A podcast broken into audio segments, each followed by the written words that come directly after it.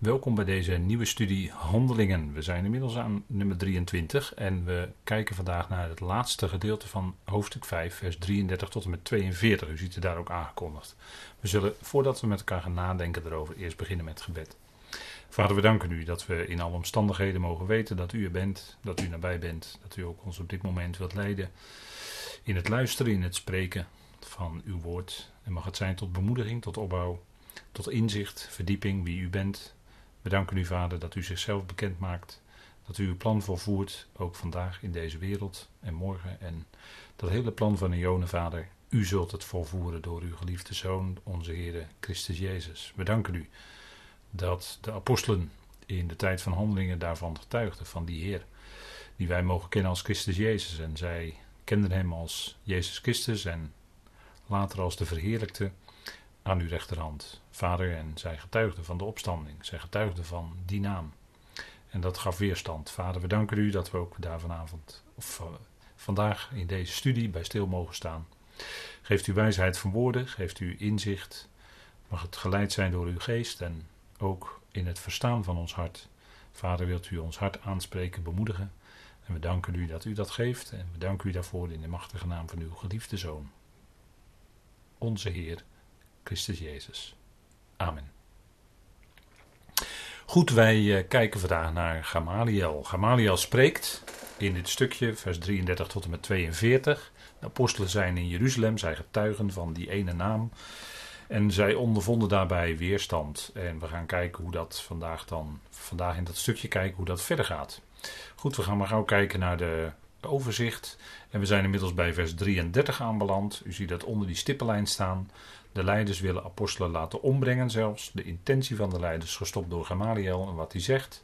De leiders proberen de apostelen het zwijgen op te leggen. En vanaf, en dan vers 42. De apostelen gaan door met getuigen. Goed, vers 33. Petrus heeft gesproken. En dat hebben we de vorige keer met elkaar gezien. En hij sprak de leiders van het volk aan, tot en met vers 32.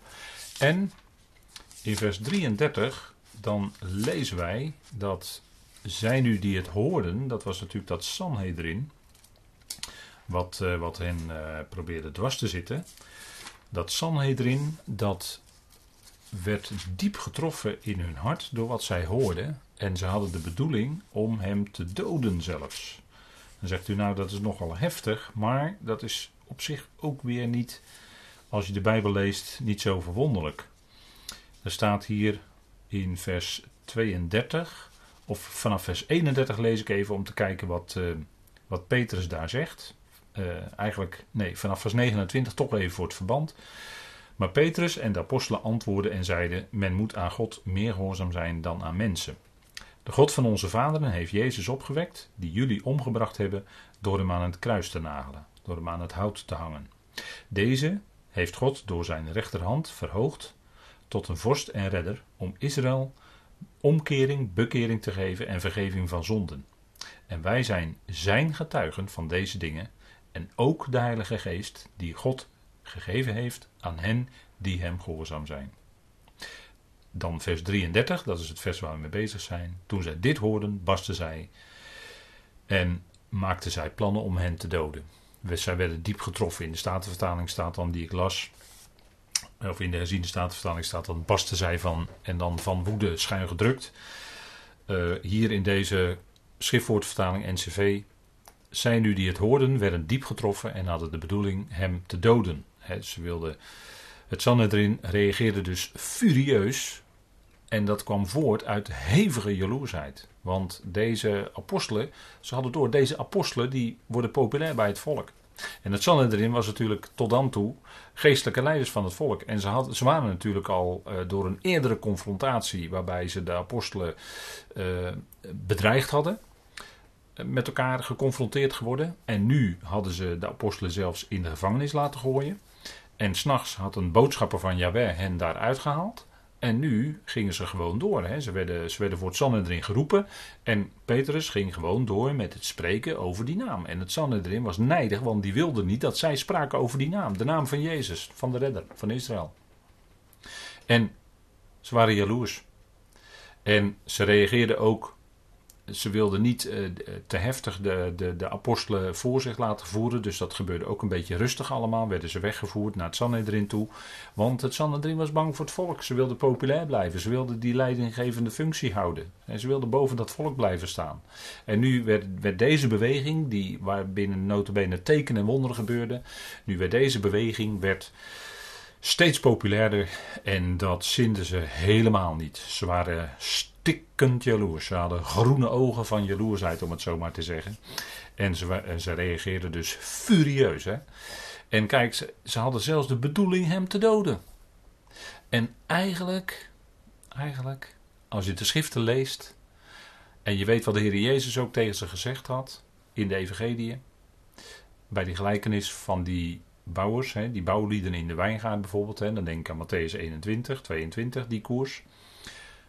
Daarin had de Heer Jezus ook toch die gelijkenis uitgesproken. Dat toen die zoon kwam, eerst waren de profeten gestuurd, maar toen die zoon kwam, dat was dus hij zelf, doodden ze hem. En dat gebeurde eigenlijk ook direct daarna. Die zoon die was gekomen, te midden van zijn volk. En ze aanvaarden hem niet, met name de leiders aanvaarden hem niet. En die zorgden ervoor dat hij gekruisigd werd. Maar God wekte hem op uit de doden. En nu was het in feite die. Nu, nu proef je dus hieruit diezelfde geest. Die, die dan in dat Sanhedrin werkte.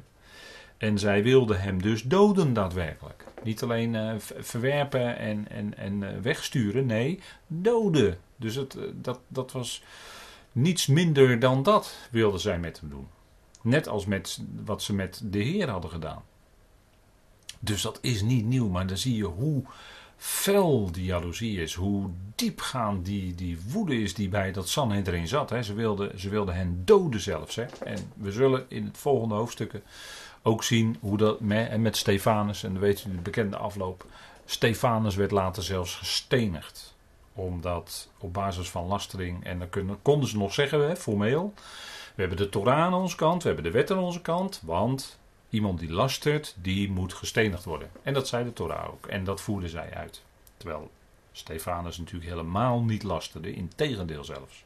Maar goed, dat gaan we nog zien in de nabije toekomst. Opstaand echter. En zij, ze wilden dus, en dat, dat, dat, dat zoomde onder dat Sanhedrin op dat moment. We willen hem doden. Opstaand echter, lezen we in vers 34, beval iemand in het Sanhedrin, een fariseer met de naam Gamaliel, een wetsleraar, gewaardeerd door heel het volk, de mensen een korte tijd buiten te brengen. Nou, die Gamaliel, dat is bekend, dat is vermoedelijk de echte leermeester van Saulus van Tarsus geweest, die wij later kennen als Paulus. Gamaliel was een kleinzoon van Hillel en dat was een school, dat was een fariseese school. En Hillel was dus de opa van Gamaliel. En uh, Gamaliel zelf was dus ook uh, doorkneed in de, in de in Tenach, hè, in de schriften en in de tradities. Hillel stond bekend als tolerant, want je had daar tegenover ook een andere school. Uh, dat was de school van Shammai. En dat was de, zeg maar, de rivaal van Hillel. En die was minder ruimdenkend, die waren meer strikt. Hè, dus wat meer tolerante en ook in de schriftuitleg uh, ze waren wel bezig steeds met. Uh, ze vonden het ook heel belangrijk, school van Gamaliel, dat de schriften bestudeerd moesten worden. En natuurlijk ook daarbij de tradities, want er was al een zekere overlevering in die dagen. En Shammai was dan de rivaal, die was strikter, dus het was ook een Fariseese school, maar dan een wat striktere richting. En uh, Hillel werd eigenlijk wel uh, populairder, want eigenlijk is de school van Hillel is eigenlijk wel vanuit het Fariseïsme om het zo maar te zeggen, mainstream geworden uh, binnen het Jodendom. En uh, de school van Shammai is uh, altijd wat, wat, wat, wat minder gebleven. Nou, dat was dus de leermeester van, later, de leermeester van Saulus van Tarsus. En die stond op. Die hoorde wat er gebeurde, wat ze van plan waren. En die dacht dat dat, dat, dat kan niet, dat kan niet. Want die was ook, hè, hij werd gewaardeerd door heel het volk. En hij had het idee van als we nu die Petrus en misschien nog andere apostelen nu ter dood gaan brengen, laten stenigen of wat dan ook, dan verliezen wij onze populariteit. En dan verlies ik misschien ook wel mijn voorname positie bij het volk. En uh, dan, uh, daarom verzocht hij op dat moment die mensen, hè, dus de, de, de apostelen, korte tijd buiten te brengen. Hij wilde even intern overleg met het Sanhedrin zelf. Hij wilde ze even wat zeggen. Want hij achtte het niet wijs om dat te doen. En dat blijkt ook uit het directe vervolg. Bovendien zei hij tegen hen: Mannen, Israëlieten, geef acht op jullie zelf over deze mensen over wat jullie op het punt staan in praktijk te brengen. Dus ze wilden direct, hè, als, als, als uh, bok op de havenkist, als hele felle mensen, uh, Midden-Oosten, dat zijn vaak hele felle kruidvaatjes, wilden zij, die apostelen, wilden ze in ieder geval Petrus en, de en misschien ook wel Johannes, de, de leiders van de apostelen, ter dood brengen. En hij zegt rustig, hij zegt rustig, mannen Israëlieten, geef acht op jullie zelf, over deze mensen, denk na, over wat jullie op het punt staan te willen doen. Ze hadden misschien formeel in hun oren en in hun ogen hadden ze misschien de Torah aan hun kant met wat ze van plan waren. Maar hij zei een aantal woorden en die gaan we met elkaar lezen. En dan gaan we ook kijken welke redenering Gamaliel opzet. En natuurlijk, hij had heel veel respect. Hij was de wetsleraar. Dus zij luisterden natuurlijk naar hem. Hij zegt, want voor deze dagen stond Tuidas op, zeggend dat hij iets is bij wie zich mannen ongeveer 400 in getal aansloten die gedood werden. En allen, al wie overtuigd waren van hem, vielen uiteen en werden tot niets. Dus hij noemt een voorbeeld van een opstandeling. En die is misschien wel in opstand geweest tegen het Romeinse juk. 400 man kreeg hij achter zich. En die achter zichzelf wel belangrijk. We weten niet precies uit andere geschiedschrijving wie die Tuidas was. Maar er waren in die dagen en in die eeuwen van Romeinse overheersing waren er heel wat die eh, zo'n eh, klein groepje wisten te verzamelen en in opstand kwamen tegen de Romeinen, tegen dat juk. Om dat juk dan van hen af te werpen. En later in de geschiedenis, 100 jaar later, is er wel een zekere Tuidas geweest. Dat is dan wel opgeschreven. Maar of, dat kan natuurlijk nooit deze geweest zijn. En er waren waarschijnlijk wel meer die zo heten en die in opstand zijn geweest. Maar het is moeilijk om die verder echt in de geschiedenis terug te vinden goed wat er van ook is, hij zal ongetwijfeld zal dit, uh, deze situatie echt zich hebben voorgedaan. Want uh, Lucas was natuurlijk wel iemand die alles checkte voordat hij dat opschreef. En uh, dit werd opgetekend uit de mond van Gamaliel. En er werd natuurlijk door verteld en overgegeven. En dat is allemaal op feiten heus wel gecheckt. Zo werkte men in die tijd wel, zeker op zo'n belangrijk boekrol als handelingen te schrijven. En dat is ook uh, waar Lucas dat boek Handelingen mee begon. Hè? Dat hij uh, Theophilus, ik ben alles nauwkeurig nagegaan of het ook zo was. Dus hij is dit ongetwijfeld ook. Dus dit zal ongetwijfeld een gebeurtenis zijn geweest. Goed, in ieder geval zet hier Gamaliel zijn redenering op. Hij zegt: Kijk, kijk naar Tuidas. Opstandeling, kreeg 400 man achter zich, maar werd neergeslagen. Uiteindelijk werd het tot niets. Dan noemt hij nog een voorbeeld. Hierna stond Judas de Galileër op in de dagen van de registratie en deed het volk afvallen achter hem aan. En die kwam om en allen, al wie van hem overtuigd waren, werden verstrooid. Dus ook die, en die is wel bekend, want Judas de Galileër die wordt onder andere genoemd in uh, oudheden, maar ook in de Joodse oorlogen van Flavius Josephus. Dus die wordt diverse keren genoemd. En Flavius Josephus was een uh, belangrijk geschiedschrijver die de dingen betrouwbaar noteerde. Dus dat is wel degelijk ook, uh, uh, dat kun je vanuit Flavius Josephus dan uh, voor jezelf helemaal dichtspijkeren als je dat zou willen. Dus je kunt dat gewoon nagaan. En wat zegt Gamaliel hier in zijn redenatie die hij opbouwt naar het Sanhedrin? Dat na Tuidas kwam, kwam ook een zekere Judas, of, of daarna weten we niet, maar er was ook een zekere Judas dus, die opstond en daar gebeurde hetzelfde mee. Uiteindelijk viel hij en zijn aan, aanhang, zijn nakomelingen werden verstrooid. Goed, nog zo'n punt. En dan komt uh, Gamaliel tot zijn punt tegenover het Sanhedrin. Dan zegt hij, en nu zeg ik jullie, trek je terug vanaf deze mensen en laat hen, want in geval deze raad of dit werk uit mensen is, zal het afgebroken worden. En dat lijkt heel logisch, dat lijkt heel overtuigd wat Gamaliel allemaal gaat zeggen. Want hij zegt: kijk, twee voorbeelden, twee opstanden, twee oproerkraaiers. Die kregen wel wat aanhang, maar die werden neergeslagen. En hiermee zegt Gamaliel in feite al dat het een mensenwerk was en dat het neergeslagen werd. En het volgende punt wat hij dan brengt, dan komt hij echt tot zijn punt, want in geval deze raad of dit werk uit mensen is, zal het afgebroken worden. En dan vers 39. Indien het echter uit God is, zullen jullie het niet kunnen afbreken, zodat jullie niet ook als Gods bestrijder bevonden worden. Met andere woorden, hier maakt Gamaliel zijn punt. Hij zegt: kijk, die twee voorbeelden werd neergeslagen. Dat was dus, dat was zijn conclusie, dat is een werk van mensen. Maar het kan ook zijn dat dit, wat nu hier ontstaat, dat lijkt ook een oproer. Maar wees nou voorzichtig, want als dit werk zou best dus niet van mensen, maar van God kunnen zijn.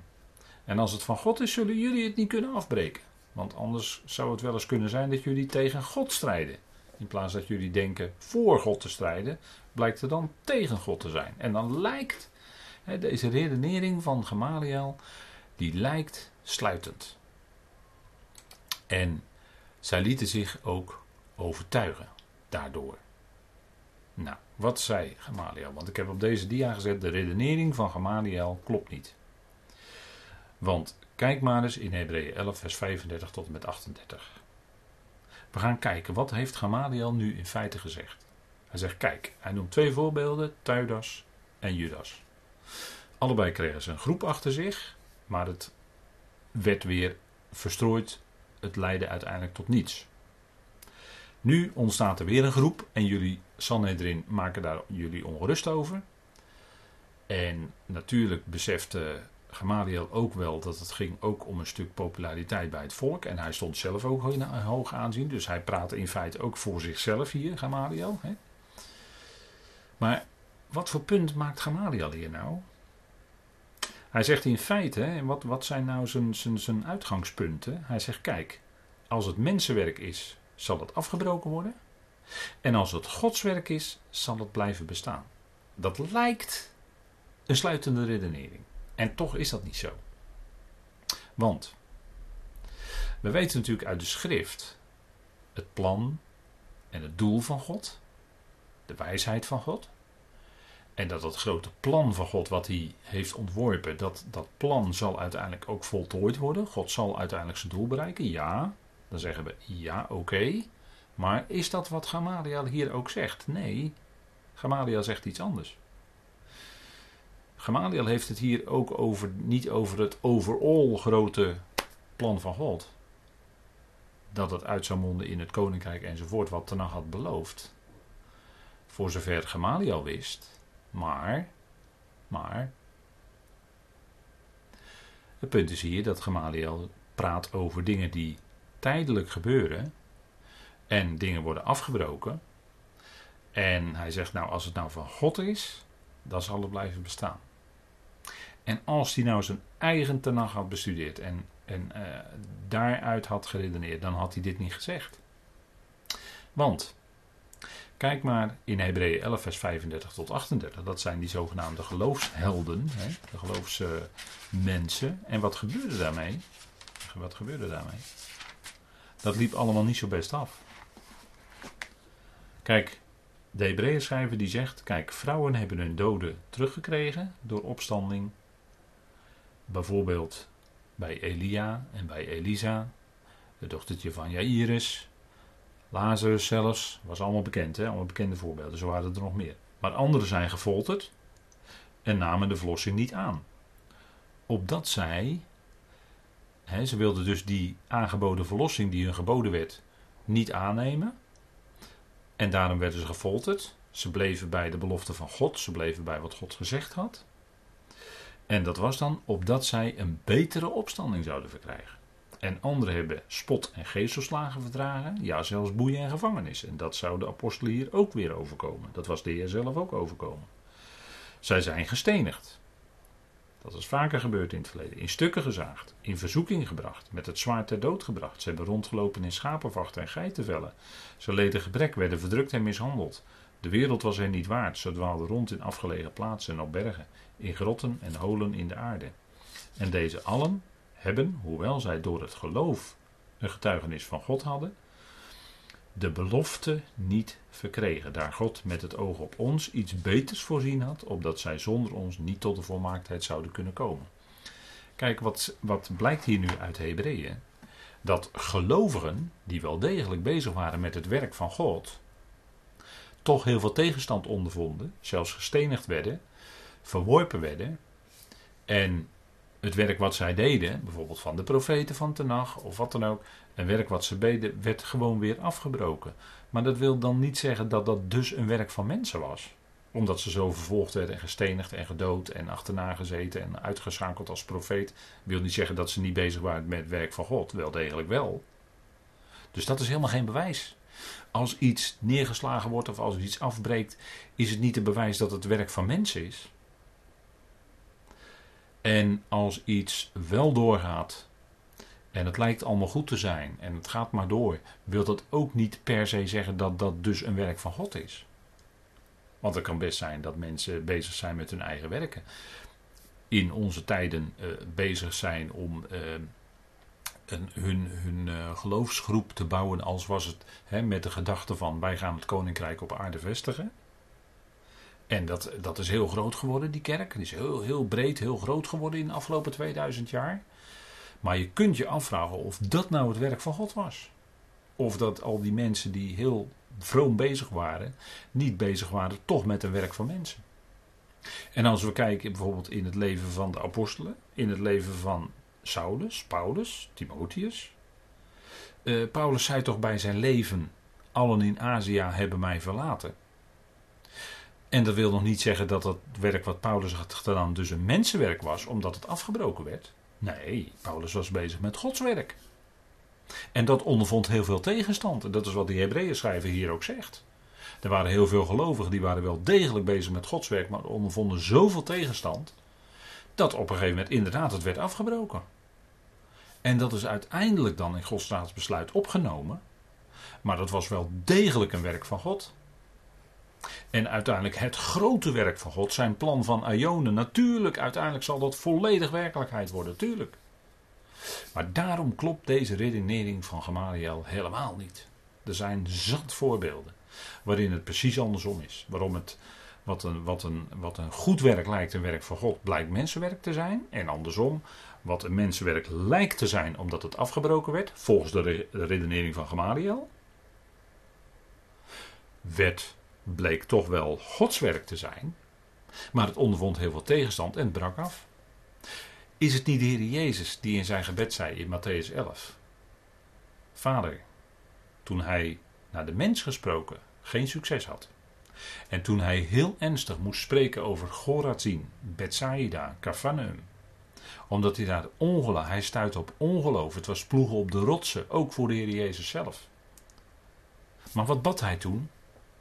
Hij bad, Vader, ik dank u, Heer van de hemel en van de aarde, dat u deze dingen voor wijzen en verstandigen verborgen hebt, maar aan kinderen geopenbaard. De Heer Jezus merkte dat zijn prediking door de wijze en verstandigen van zijn dagen, of die voor de mensen voor wijze en verstandig doorgingen, niet geaccepteerd werd.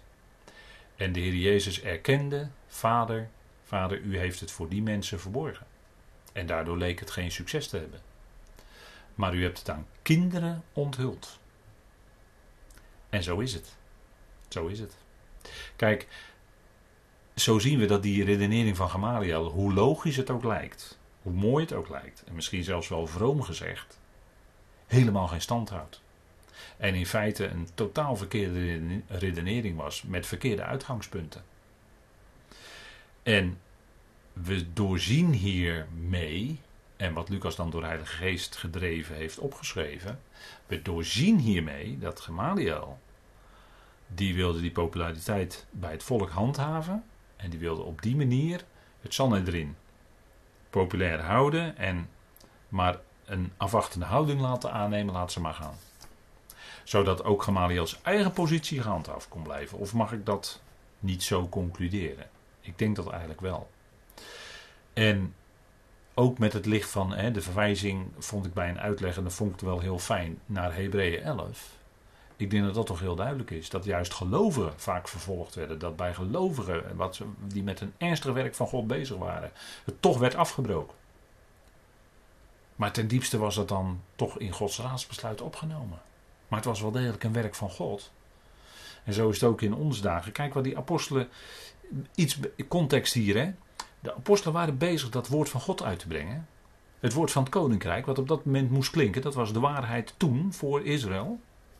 En er werd tegengewerkt. Werd tegengewerkt. Door wie? Door de Sanhedrin.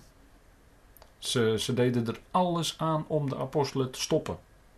En ik denk dat we hier weer aan een belangrijk punt komen. Hè, wat we ook in de studies, eh, of eh, nee, ik moet zeggen in het woord vandaag Thessalonicense zien. Dat Paulus moest constateren, hij wilde wel naar die Thessalonicense toe gaan, maar de Satan verhinderde hem, de tegenstander. En door omstandigheden lukte het niet. En hij zei anderzijds ook, mensen wierpen een dijk op, wierpen een verhindering op om, uh, om die beweging voor te laten gaan. Om, hè, mensen uh, blokkeerden ook bij Paulus, probeerden dat doorgang van het woord te blokkeren. En dat zien we ook hier gebeuren bij die apostelen. En uh, Gamaliel spreekt hier dan in, misschien met, voor de mensen dan met een zekere wijsheid, maar in feite in het licht van hoe God de dingen doet, is het helemaal niet wijs. En kun je die redenering zo door, doorprikken. Goed, we gaan verder naar vers 40. Zij nu werden overtuigd door hem en de apostelen tot zich roepend en hen slagen geven, droegen zij hen op niet te spreken in de naam van Jezus en ze lieten hen los. Ze lieten ze wel gaan, maar ze werden nog wel even geslagen. En waarschijnlijk, we zien het ook in dit plaatje, maar dat is natuurlijk geen bewijs, maar dat is denk ik wel waarschijnlijk, omdat het het Sanhedrin is, gaven zij hen naar de wet wat in Deuteronomie stond, de 40 min 1 stokslagen. En dat was heel wat. Dat was pijnlijk. Daarmee werd je rug opengeslagen. En dat was natuurlijk hè, nadat, uh, uh, nadat zij al eerder bij het Sanhedrin waren geroepen. In een eerdere situatie, bij de, bij de genezing van die verlamde man, bij de Schone Poort. Toen werden ze ernstig toegesproken en bedreigd, dus dat was al intimiderend. Vervolgens gingen ze door en werden ze in de gevangenis geworpen, was ook intimiderend. En werden ze door de boodschappen bevrijd. En nu werden ze weer bij het Sanhedrin geroepen en uh, niet alleen toegesproken, maar ook nog eens een keer uh, de stokslagen kregen ze. En ze droegen hen opnieuw op niet te spreken in de naam van Jezus. Dus ze wilden weer dat, dat woord van het koninkrijk, dat evangelie, dat hij de redder is, dat Jezus de redder is, zijn naam. Wilden ze belemmeren. Ze wilden dat woord belemmeren. En we zien hier opnieuw de, de, eigenlijk, ah, als je de, de, de eerste reactie van het Sanhedrin uh, ziet, dan zie je dat ze al vijandig gezind waren tegen wat de apostelen te vertellen hadden. En hier zien we eigenlijk een, een nog intensere, een nog verdere gaande vijandschap. Een verharding dus tegen, tegen het woord van het koninkrijk, doordat ze zelfs hen wilden doden. En dat gebeurde dan niet omdat Gamaliel tussen, tussen beiden kwam. En dat was natuurlijk ook, Gamaliel werd in die zin door God gebruikt, zodat de apostelen toch verder konden gaan. Dat was lijden. Het veroorzaakte ook bij hen lijden. Dat spreken van het woord, echt letterlijk lichamelijk lijden. Paulus werd ook later gestenigd. Hij had ook te maken met de orthodoxie van zijn dagen. En hier is het ook de orthodoxie. De religie, de religieuzen. Die zo enorm weerstand boden tegen het woord. En dat is altijd zo. Altijd is het de gevestigde orde, de religieuzen. Die, zijn, die werpen altijd weerstanden op tegen het woord. Daar waar het eh, niet meer, uh, hè, daar waar het ja, hoe moet ik dat nou zeggen? Daar waar het, uh, een, hè, als we praten over het lichaam van Christus, dan is het een levend organisme. En in, keer op keer zie je in de loop van de tijd dat zodra iets geïnstitutionaliseerd is, zodra iets georganiseerd is, zie je dat keer op keer. En, en, en dat is altijd aan de, aan de orde. Dat uh, het georganiseerde of de organisatie een verhindering is om dat woord te spreken.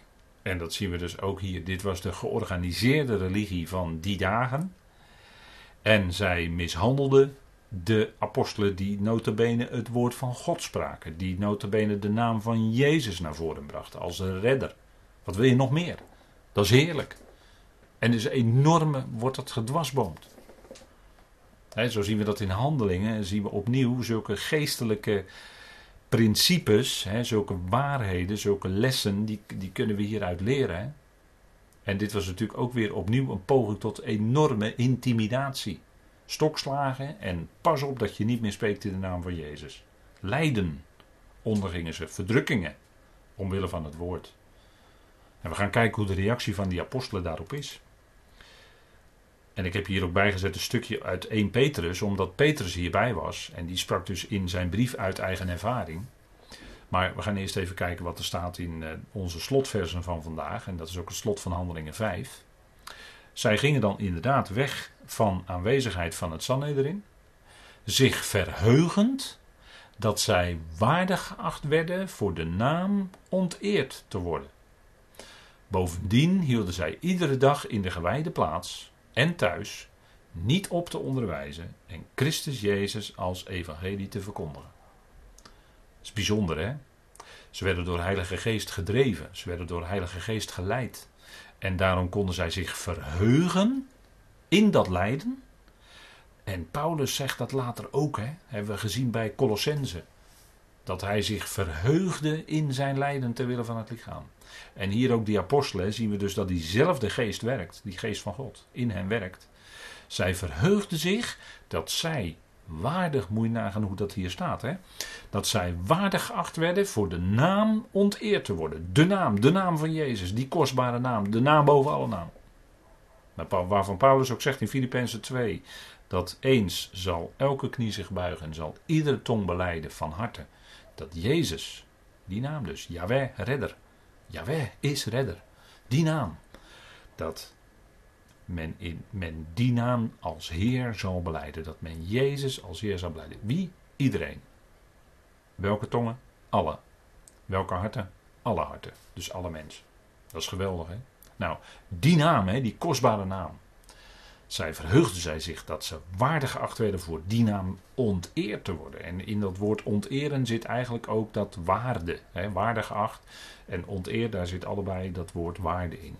Hè, dat zij uh, eigenlijk uh, uh, van lage waarde werden, van zo lage waarde werden geacht door de Sanhedrin dat ze geslagen werden, letterlijk geslagen werden. Dat waren letterlijke wonden op hun rug. En ze verheugden zich daarin. En ze gingen gewoon door. Ze waren niet te stoppen. Kijk, hier staat bovendien hielden zij, want dit was natuurlijk de religieuze leiding, de religieuzen van hun dagen, die hun verboden in die naam te spreken. Dat, het waren niet de Romeinen. Het was niet de burgerlijke overheid die hun dat verbood. En daarom konden ze gewoon doorgaan.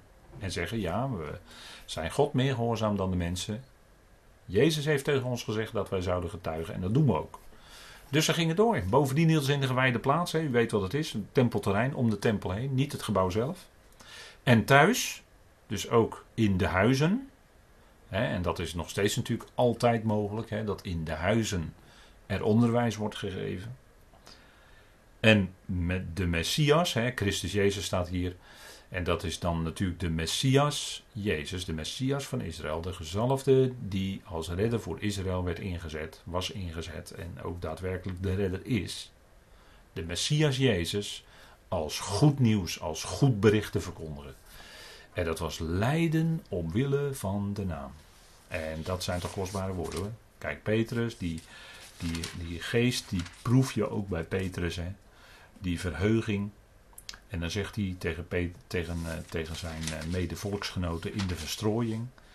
In 1 Petrus 2, en dan lezen we even vanaf vers uh, eh, 19 van die brief. Want dat is genade als iemand om het geweten voor God dingen verdraagt die hem pijn doen en ten onrechte leidt.